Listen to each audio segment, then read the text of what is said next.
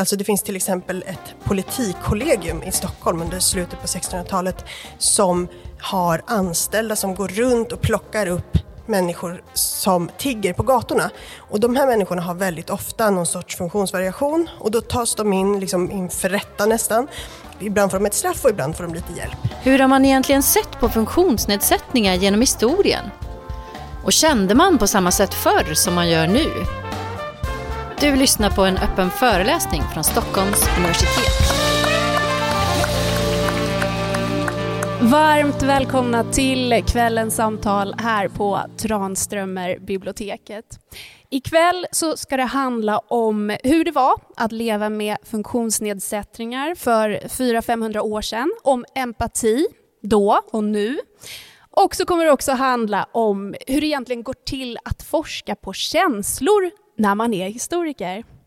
Jag som kommer ställa en massa frågor heter Karin Gyllenklev och är journalist och den som står för kunskapen ikväll är Marie Eiche, historiker på Stockholms universitet. Välkommen!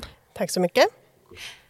Jag tänker så allra först Marie att vi bara ska reda ut, ibland kan det finnas en viss oro att man ska säga fel, eh, använda fel termer. Eh, handikappad, funktionshindrad, funktionsnedsättning. Vad är det vi säger idag?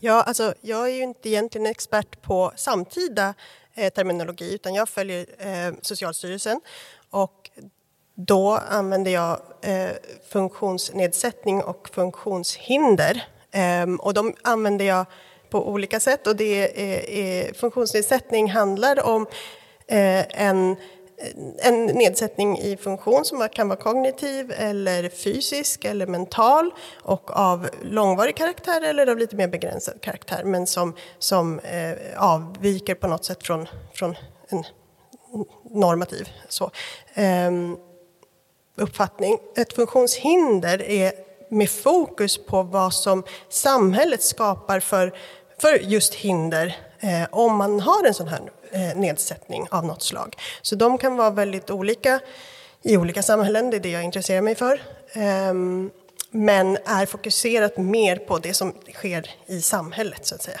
Kan du ge ett exempel? Ja, alltså ehm, ett funktionshinder, eller vad ska jag säga, en funktionsnedsättning kan vara lite vad som helst, alltså en, en, en, eh, kognitiv diagnos till exempel, som blir ett hinder i mötet med eh, behov som man har i, i samhället att kanske kunna kommunicera med myndigheter eller med, eh, i skolväsendet eller någonting sånt. Mm.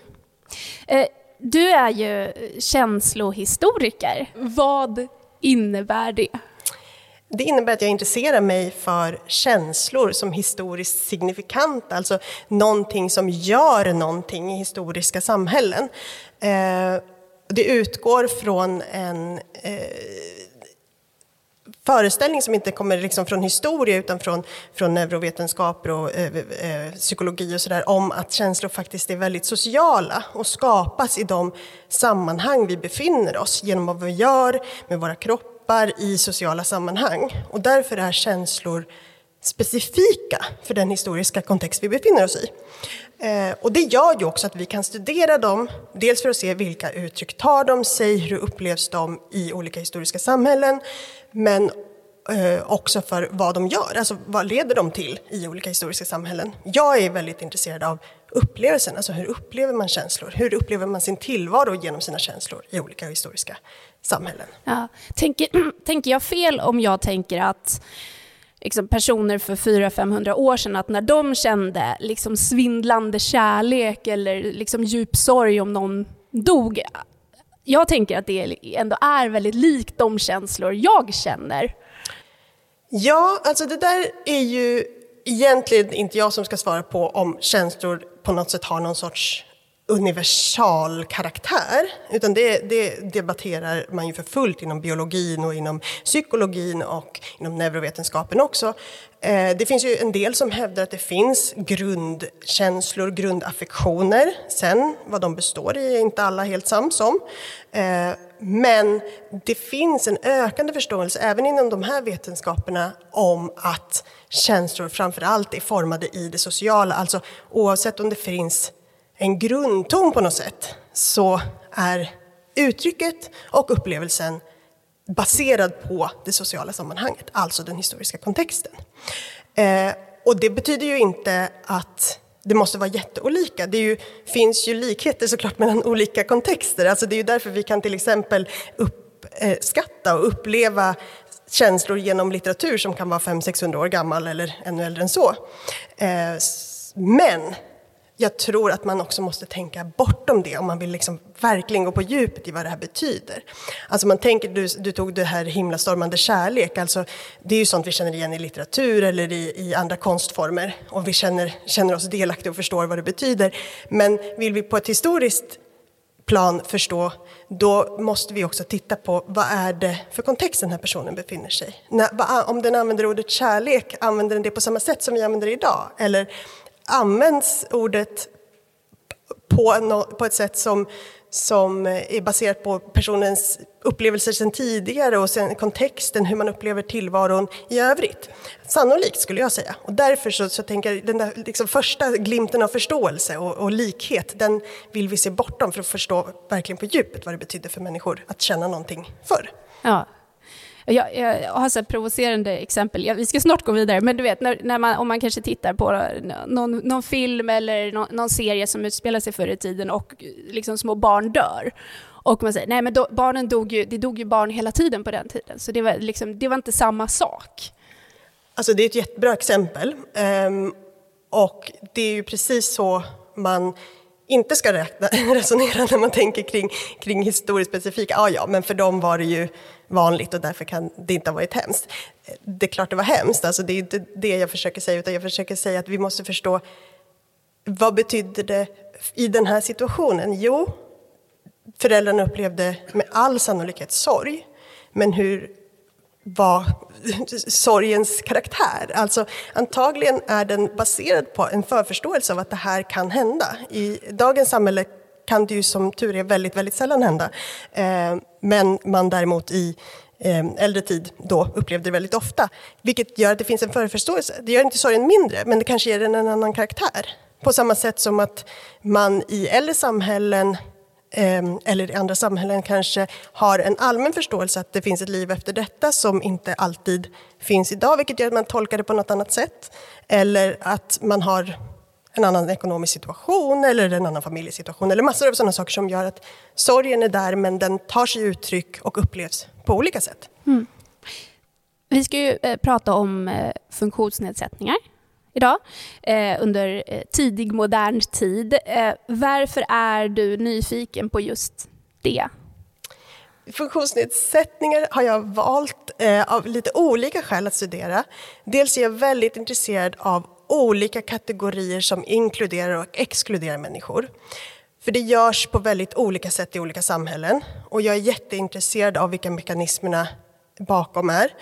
Ehm, och därför är det moderna begreppet funktionsnedsättning intressant att liksom se vad, vad, vad blir det eller snarare kanske det moderna begreppet funktionshinder. Vad, vad, vad, betyder det i det här samhället som jag tittar på?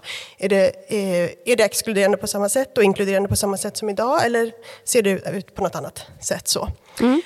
Och just eh, tidig modern tid tycker jag är så intressant för att det är relativt nära oss, alltså relativt, nu, jag är historiker så relativt nära betyder fortfarande 400-500 år tillbaka. Eh, men det finns så många andra premisser för de människorna som gör att tillvaron är väldigt, väldigt annorlunda. Och det gör att det blir så spännande att titta på. Ska vi specificera här? Det är 1500-talet fram till nästan 1800-talet, eller? Precis. Eh, tidig modern tid är ett begrepp som vi historiker har börjat använda på senare år för att definiera perioden liksom mellan medeltiden och den moderna tiden. Så vi befinner oss alltså ungefär Eh, från 1500-talets början. I Sverige blir ju det reformationstid och Gustav Vasa och sånt där som, som man kanske kommer ihåg från skolan. Ehm, och så är det fram till slutet på 1700-talet, eh, sekelskiftet 1700-1800 ungefär. Men, men eh, jag tänker så här, de, dels är det ju lite svårt kanske att kolla på vad som är eh, funktionshinder eller funktionsnedsättningar. Då. Det här är ett ord som inte existerar på den tiden. Det är ingenting man använder. Hur, eh, hur liksom, vad ser du att det skiljer sig om man jämför med liksom vad som anses vara då funktionsnedsättningar idag och vad som var det då?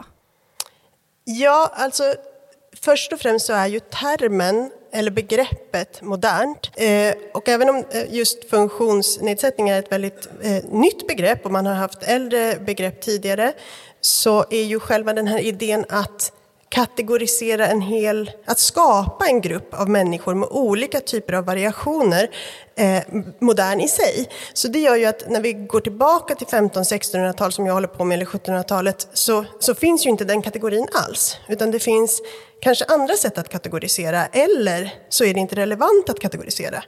Det finns eh, forskare som till exempel har hävdat att om man ska undersöka eh, funktionshinder i tid i modernt, eller det handlar om medeltid, men, men i äldre tid så bör man även inkludera eh, fattigdom och människor med, Eh, som är väldigt gamla.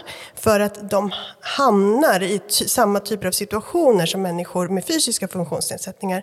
Eh, och det här vet jag inte riktigt om jag håller med om, men jag tycker att det belyser ganska bra eh, vad man måste göra när man går tillbaka och, och, tittar på den här typen av företeelser i äldre tid. Alltså man måste vara öppen för vad det betyder i det samhället man tittar på.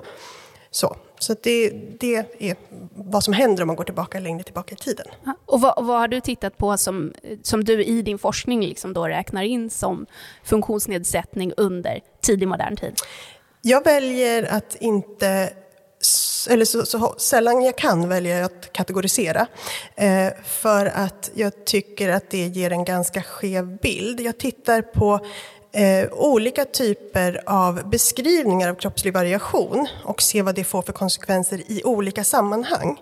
För det är också det att kroppen, nu har jag pratat om det redan, nämnt det att kroppen är ju social på samma sätt som känslorna är sociala och därför kan samma eh, samma situation, eller samma fysiska variation får väldigt, väldigt olika konsekvenser för olika människor i samma samhälle. Alltså det kan handla om eh, eh, ålderdom, om man är gammal eller ung, eller om man är eh, framförallt kanske hur, vilka möjligheter man har att försörja sig.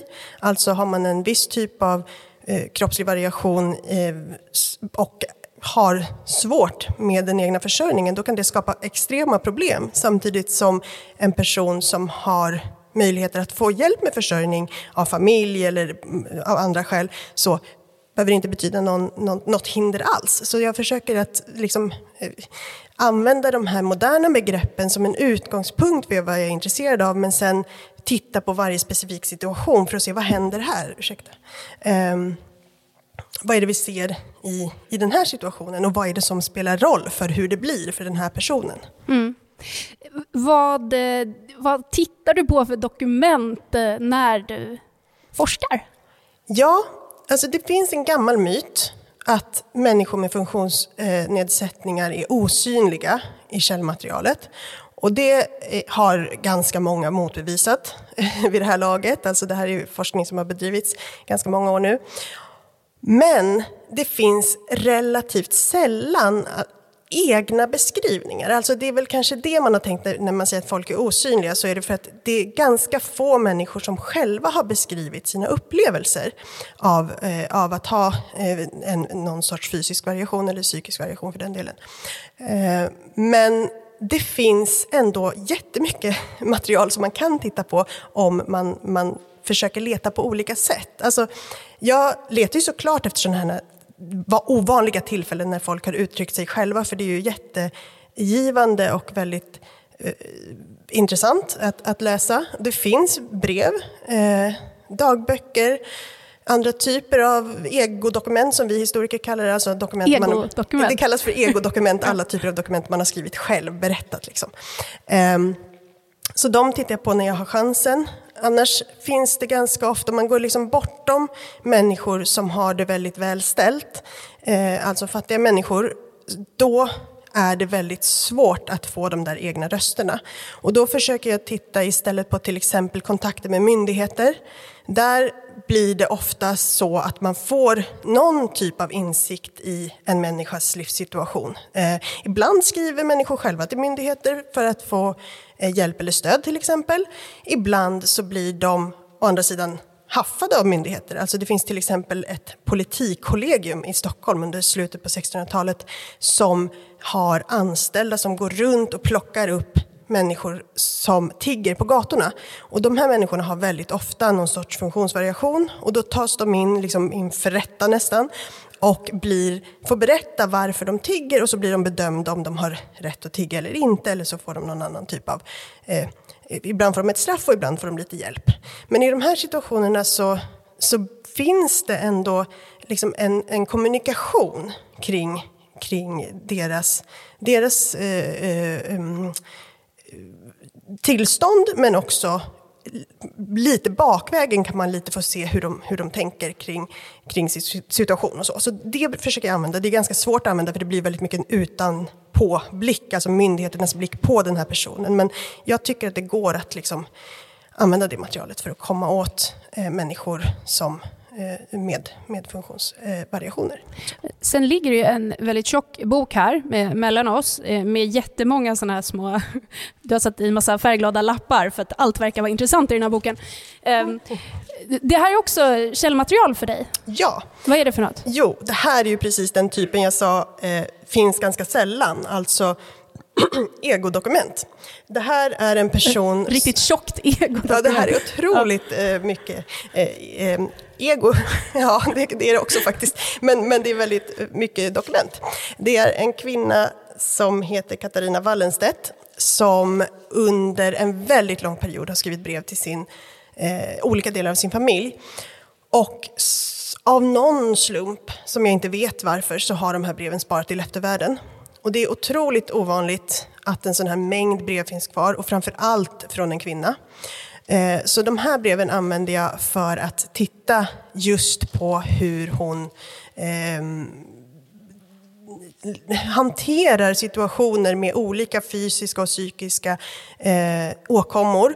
Det behöver inte vara bara det som vi skulle definiera som funktionshinder utan även alltså sjukdomar och, och, och eh, andra typer av situationer som uppkommer med kroppen. Eh, för det skriver hon väldigt mycket om. Eh, och, så det tittar jag på i, i just hennes brev. Men hur, hur, vet man att det är Alltså att det är äkta. Jag tänker så här, idag om folk eh, lägger ut inlägg på sociala medier och vill framstå på ett visst sätt, kan det inte också vara så i brev? Att man vill liksom, eh, ja men inte är helt ärlig i dem? Absolut. Och det där är ju en fråga som, som vi historiker måste ta ställning till, inte bara i förhållande till brev, utan i förhållande till liksom alla typer av dokument vi jobbar med. Alltså hur sanningsenliga är de här? Eh, en öppning för att hålla på med just känslor är ju att fundera kring dem som sociala. Alltså, de skapas i sociala sammanhang, vilket gör att vi kan ta sociala uttryck för dem som någon sorts uttryck för faktiska känslor.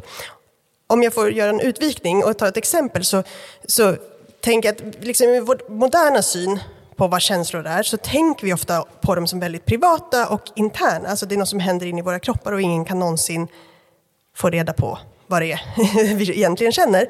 Men samtidigt så har vi ju, alltså sätt att uttrycka känslor. Vi till exempel kanske lyssnar på sorgliga kärleksballader när vi är hjärtekrossade. Det är ett uttryck för känslor. Alltså, och det är det som man som känslohistoriker tar på allvar. Alltså de där kulturella uttrycken. Vad, de betyder någonting för människor. Och på samma sätt tänker jag kring eh, att titta på till exempel brev. Om det är ett sätt att uttrycka sig som är anpassat efter mottagaren så är det fortfarande något sorts uttryck för känslor som kan jämföras med andra uttryck. Eh, när det gäller just hennes brev så är de faktiskt eh, väldigt användbara. För att det är så att under tidig modern tid så är brev ofta ganska stiliserade, tänkta till en större publik. Man kanske skriver till en viss person, men man vet att den personen kommer läsa upp det för sina kompisar och eh, affärsbekanta och vad det nu kan vara. Och då skriver man väldigt formellt. Den här kvinnan gör inte det. Hon är väldigt, väldigt öppenhjärtig i sina brev och det är väldigt ovanligt. Eh, vilket gör att man får, eller jag som historiker kan få djupare insikter i liksom hennes vardagliga tillvaro och jag tror faktiskt hennes liksom faktiska syn på saker. Hon filtrerar inte så mycket utan hon beskriver eh, småaktigheter och annat som man kanske vill dölja för sin make och de två barnen hon skriver till. Så att här tycker jag att man kommer åt det, det där privata som man liksom vill åt. Men vad får du reda på då om den där tiden? Mm. Liksom på, på det här ämnet som vi ändå pratar ja. om idag? Ja, alltså hon lever ett otroligt långt liv. Det är en annan exceptionell sak med henne. Eh, hon blir 92 år. Hon skriver breven, breven som finns bevarade är från en period som är över 40 år lång. Så att hon hinner möta väldigt, väldigt många olika situationer eh, genom de här breven. Och då berättar hon om eh, olika typer av, av, situationer där det händer saker liksom med, med folks kroppar och hur hon hanterar det. Och det man kan se där är dels att hon har en annan förståelse av vad kroppen är än vad vi har. Och det här vet vi från medicinhistoria, eh, alltså att det finns en annan föreställning av vad kroppen är, att den består av vätskor som håller på att fara runt och gör olika saker till exempel. Det påverkar jättemycket hur hon ser på sådana här saker, det händer saker med vätskorna. Andra vätskor än blod och sånt? Ja, eller egentligen är det ju fyra vätskor man har under tidig modern tid som bygger upp kroppen och det är svart galla, gul galla, blod och slem. Och det tänker man är det som liksom finns i kroppen och som gör saker i kroppen. Och det påverkar då om man blir sjuk eller inte och sådana saker. Och det påverkar också känslorna, för känslorna är en del av det, oj, ursäkta, av det där flödet som, som far runt i kroppen. Um, så det är en sak som, som man kan se, att hon liksom tillskriver olika fysiska, framförallt och psykiska tillstånd um, uh, någonting som, som händer med de här vätskorna. Man ser också att hon är väldigt intresserad av kopplingen mellan känslor, som jag är intresserad av då, och det fysiska.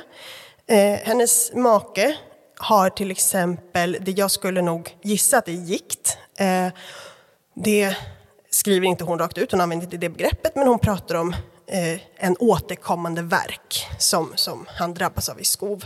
Och hon tillskriver eh, melankoli, alltså nedstämdhet, eh, är orsaken till hans gikt, då, till hans fysiska tillstånd. Så hon gör den, den kopplingen.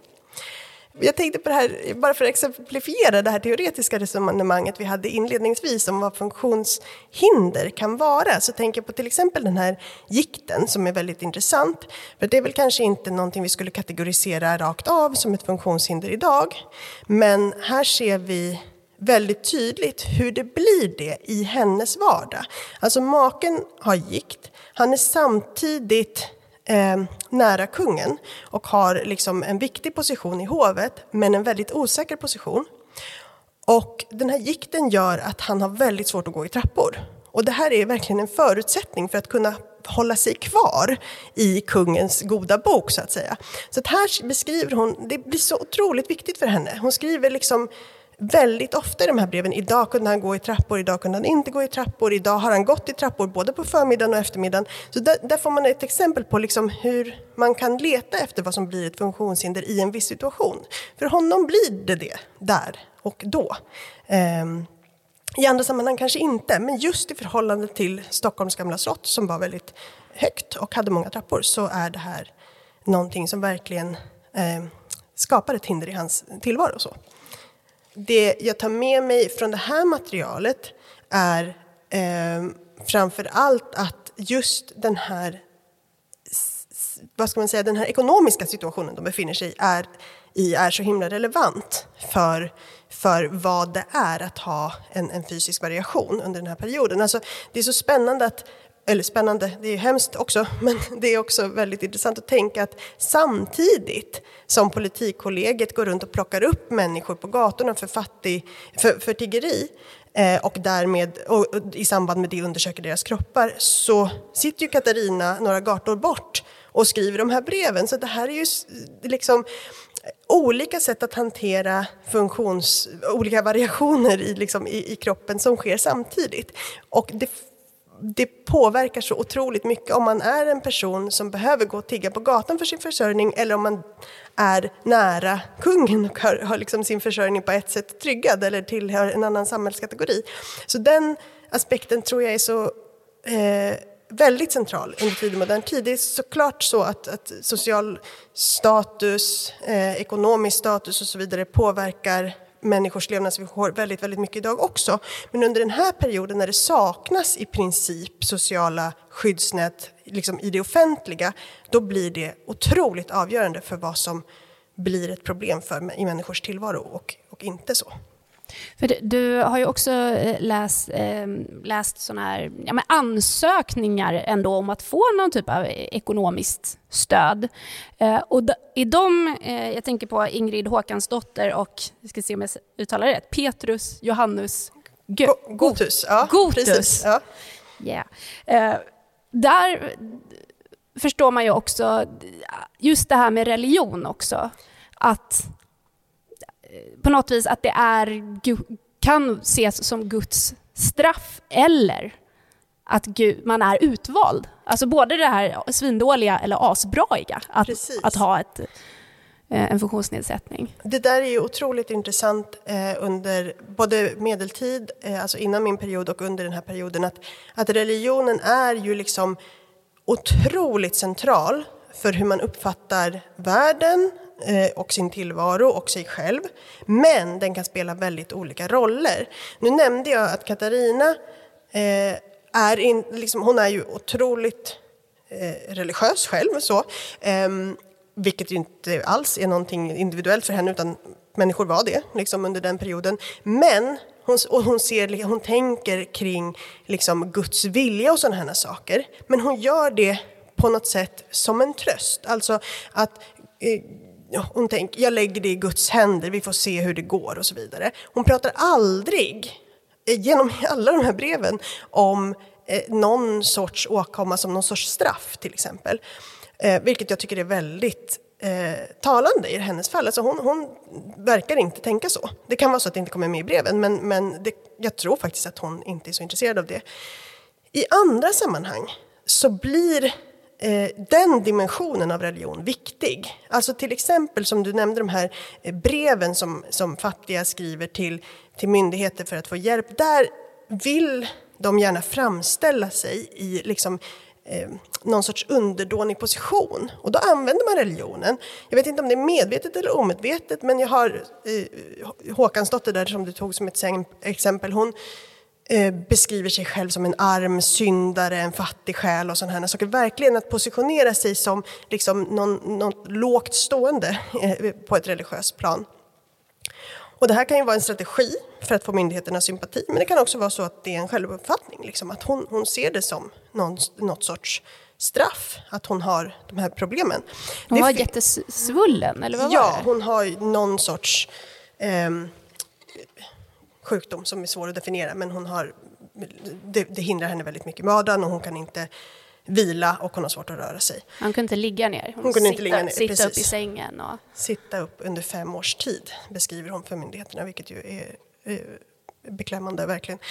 Um, så, så där, där blir i alla fall den här religion, religionen eh, någonting eh, som hon, hon liksom beskriver det som att hon, hon har fått någon sorts straff eller det är liksom hennes fel på något sätt.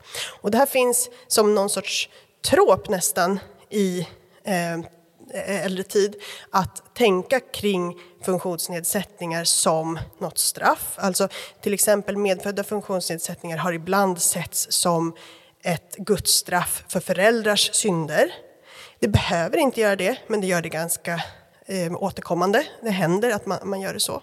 I andra sammanhang så ser man eh, någon sorts kroppslig problematik som ett tecken på att man är utvald, som du sa. Det är väldigt vanligt under medeltiden att man tänker att, att, att, kropp, att lidande i detta livet tyder på att man är utvald inför nästa liv.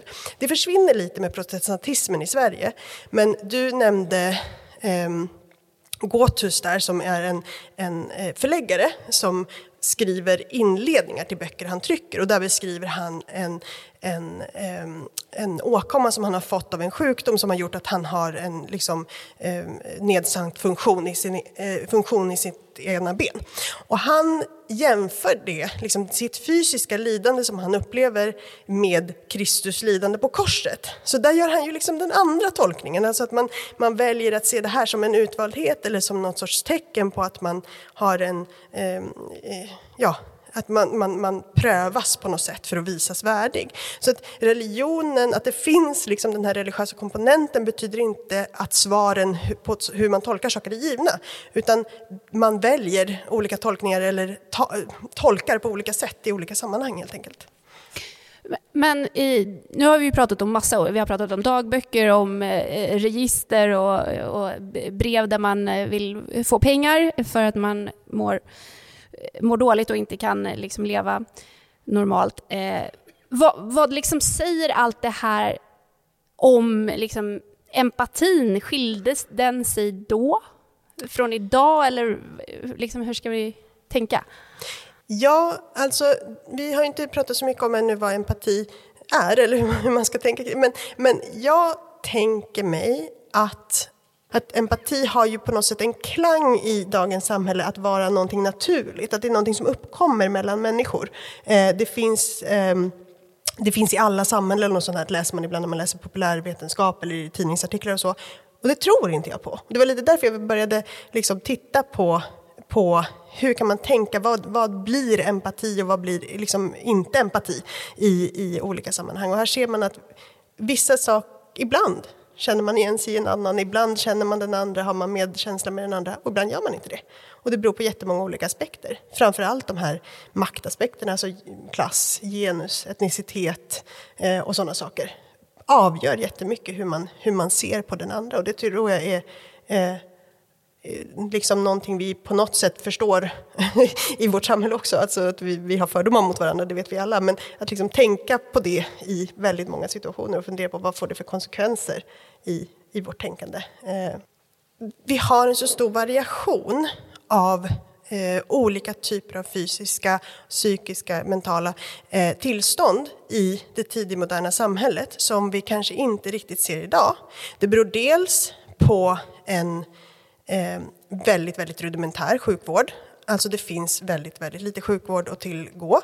Det finns, och när den finns att tillgå så är den inte särskilt eh, eh, hjälpsam. Alltså väldigt dåliga behandlingar och sådär. Eh, eller alltså, med, med, våra moderna ögon så, så, så, framstår det som, det har säkert hjälpt människor men, men det har inte funnits möjlighet att bota på samma sätt som mycket kan botas idag. Vi har samtidigt krig som skadar människor väldigt liksom, mycket och väldigt många människor under lång tid, under 1600-talet till exempel.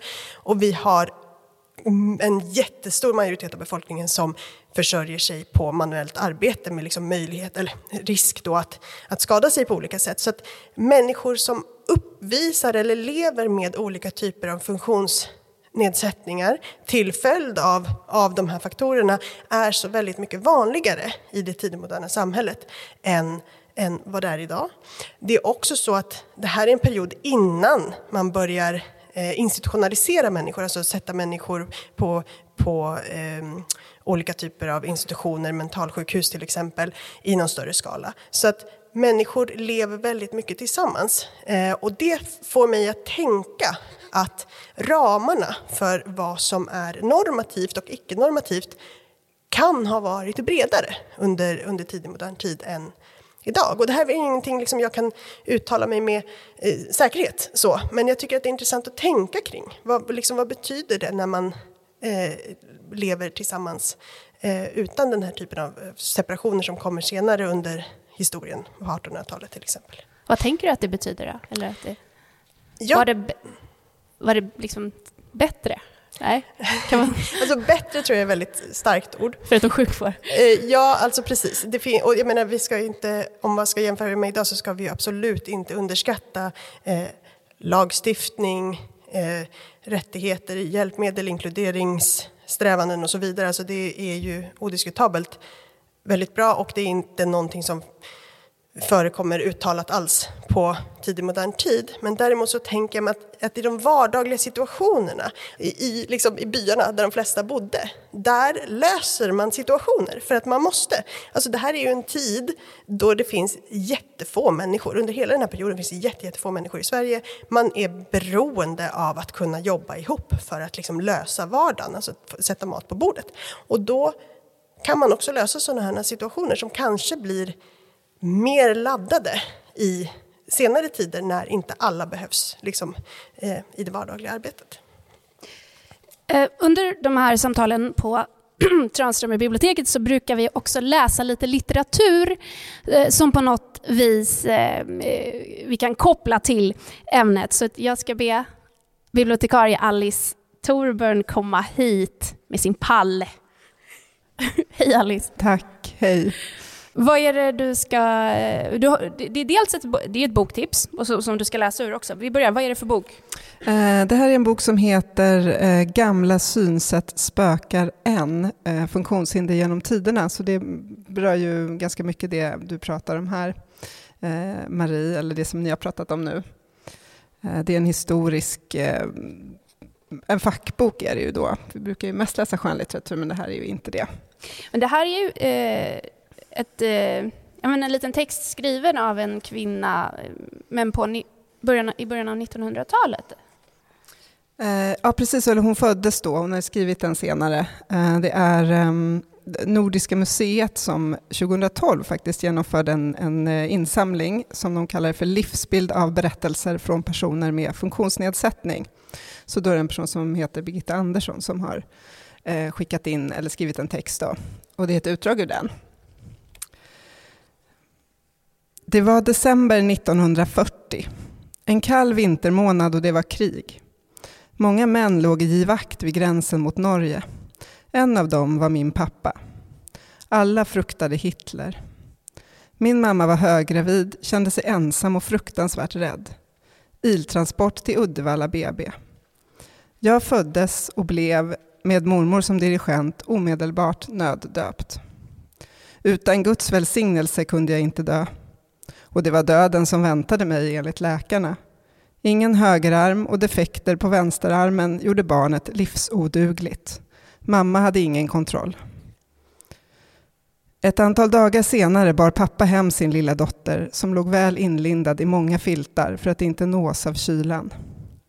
Mamma nåddes av beskedet från dem som tolkade kyrkans budskap att ett icke välskapt barn är ett tecken på Guds straff för att hon, inte pappa, hade syndat. Hon begrundade sin älskade dotter, som i hennes och pappas ögon var det vackraste som fanns, och undrade hur någon kunde se detta lilla söta barn som ett straff. 40 år senare skriver jag en artikel om min livsglädje och den tacksamhet jag känner över att fosterdiagnostiken inte var uppfunnen 1940, för då skulle jag aldrig fått en chans att födas. Jag hade blivit aborterad. Ett foster som saknade en arm och hade defekter på den andra skulle inte ha ansetts värdigt detta liv. Jag tänker Marie, det här var då, eh, hon föddes på 1940-talet eh, och då fortfarande, ja, men som boktiteln Gamla synsätt spökar än, så pratas det ju om liksom ett, ett straff, att, att det var ett straff. Ja, eh, som sagt det är ju någonting som finns redan på medeltiden och möjligen tidigare än så, även om jag inte känner till det, så finns ju den typen av, av tankesätt, alltså att, att medfödda eh, funktionsnedsättningar är ett straff. Eh, det, finns, det existerar ju parallellt med andra föreställningar, men det är ju någonting som lever kvar uppenbarligen. Då. Jag är ju ingen expert på modern tid, så, men det verkar ju då leva kvar enligt den här eh, texten. Så. Är det något speciellt Alice som har fastnat hos dig eh, från den här boken, förutom det du läste nu? Ja, nej, men den är ju överlag väldigt fascinerande och man, jag tänker att om man vill veta ännu mer nu än eh, om det ni har pratat om så kan man läsa den, för den innehåller dels en ganska kort skildring av den liksom äldre tiden och de här olika synsätten som fanns, men sen ganska mycket just om 1900-talet, om det här med institutionaliseringen, eh, hur vissa saker blev bättre, men också att man gömde undan kanske sådana här saker mer än man hade gjort tidigare och så. Tack Alice eh, för tipset.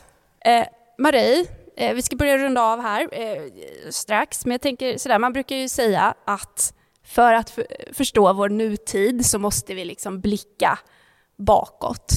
Eh, håller du med?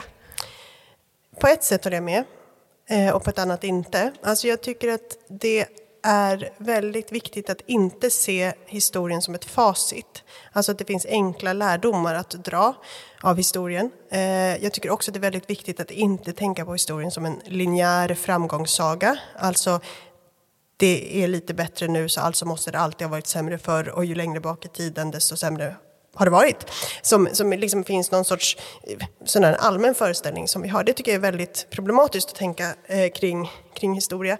Däremot så tror jag verkligen att historien kan lära oss att tänka eh, kreativt kring kring situationer. Alltså om man tittar på sådana här fenomen som till exempel funktionsnedsättningar, empati, så ser vi att det betyder väldigt olika saker i olika situationer. Dels inom ett och samma samhälle, men också väldigt mycket över tid. Det betyder att saker som vi tar för evigt givna eller för, för, för liksom naturliga sällan är det. Alltså det kanske finns en grund i det naturliga eller liksom det, det, det biologiska kanske. Men det allra mesta är format av våra föreställningar och praktiker och det vi gör i stunden. Det betyder att kunde saker förändras förr så kan det förändras nu också. Och det tycker jag är väldigt, väldigt viktigt att tänka, liksom, tänka på historia på det sättet. Man kan lösa samhällen på jättemånga olika sätt. Alltså kan vi förändra det vi vill förändra eh, nu och så framöver. Jag vet också när du har intervjuat eh, andra känslohistoriker eh, så har ju men de, de, då har de nämnt att genom att titta på upplevelser eller känslor historiskt så kan vi förstå mer om eh, sånt som händer idag. Kanske klimatförändringar eller en eh, pandemi eller så. Eh, va, va, hur då, tänker jag? Ja, alltså det, det, det går tillbaka till den här idén om att känslors uttryck och upplevelsen av känslor bestäms av det, eller skapas kanske snarare, i det specifika historiska sammanhanget. Vi kan se att vissa, även om vi ibland använder samma ord, ibland använder vi helt andra ord för känslor, men ibland använder vi samma ord under flera hundra år. Men det betyder olika saker beroende på vart vi befinner oss. Om vi tänker så även i dagens samhälle så ger det möjlighet att fundera kring hur uppkommer de här känslorna? Vad kan vi göra åt dem? Vill vi göra något åt dem? De här två exemplen du tog, alltså det finns ju nya känslor kan man säga, kopplade till de här situationerna. Under eh, covid-pandemin så beskrev WHO eh, känslan pandemic fatigue, alltså pandemitrötthet, som var ett tillstånd liksom, som man, eh, människor hamnade i efter långa tider med restriktioner och sådana saker. Och den är ju på ett sätt en en, vad ska man säga, en trötthet som vi kan känna igen från andra situationer, men också specifikt för den här speciella historiska kontexten. Ett annat väldigt, väldigt eh, aktuellt ämne är ju klimatångest som ju på en psykolog skulle säga jag har mycket att göra med annan ångest som kanske liksom som någon sorts urtyp av ångest men också väldigt mycket baserat på just den situationen vi befinner oss i nu. Så att vi kan ju titta även i samtiden kan vi titta så med de här känslohistoriska glasögonen på, på känslor och också då tänka kring hur kan vad gör man med de här känslorna? Vad leder de till? Kan man eh, förändra dem på något sätt om man vill eller eh, sådär. Så. Eh, sista frågan, vad är liksom nästa grej du vill kolla på i din forskning?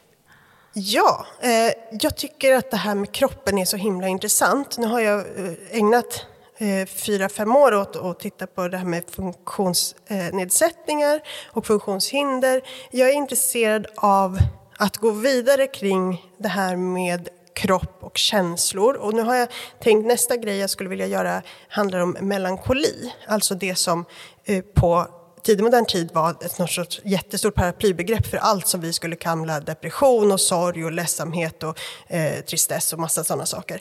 Och se hur det är eh, utspelar sig i tidig modern tid. Vad är det att vara melankolisk i tidig modern tid och hur påverkar det hur man lever med, med kroppen? Alltså, just det här idén att kroppen, äh, att känslor är fysiska gör att melankoli också inte är en psykisk åkomma som vi skulle säga eh, under den här perioden utan någonting som människor då tänkte hände i kroppen. Och därmed kan man koppla det samman med massor av spännande saker om eh, andra sjukdomstillstånd till exempel eller, eller andra upplevelser av sin tillvaro. Så det hoppas jag kunna göra framöver. Ja, vi får ta ett nytt samtal då. då. Ja. Stort eh, tack eh, Marie Eiche för att du eh, kom hit och delade din kunskap ikväll.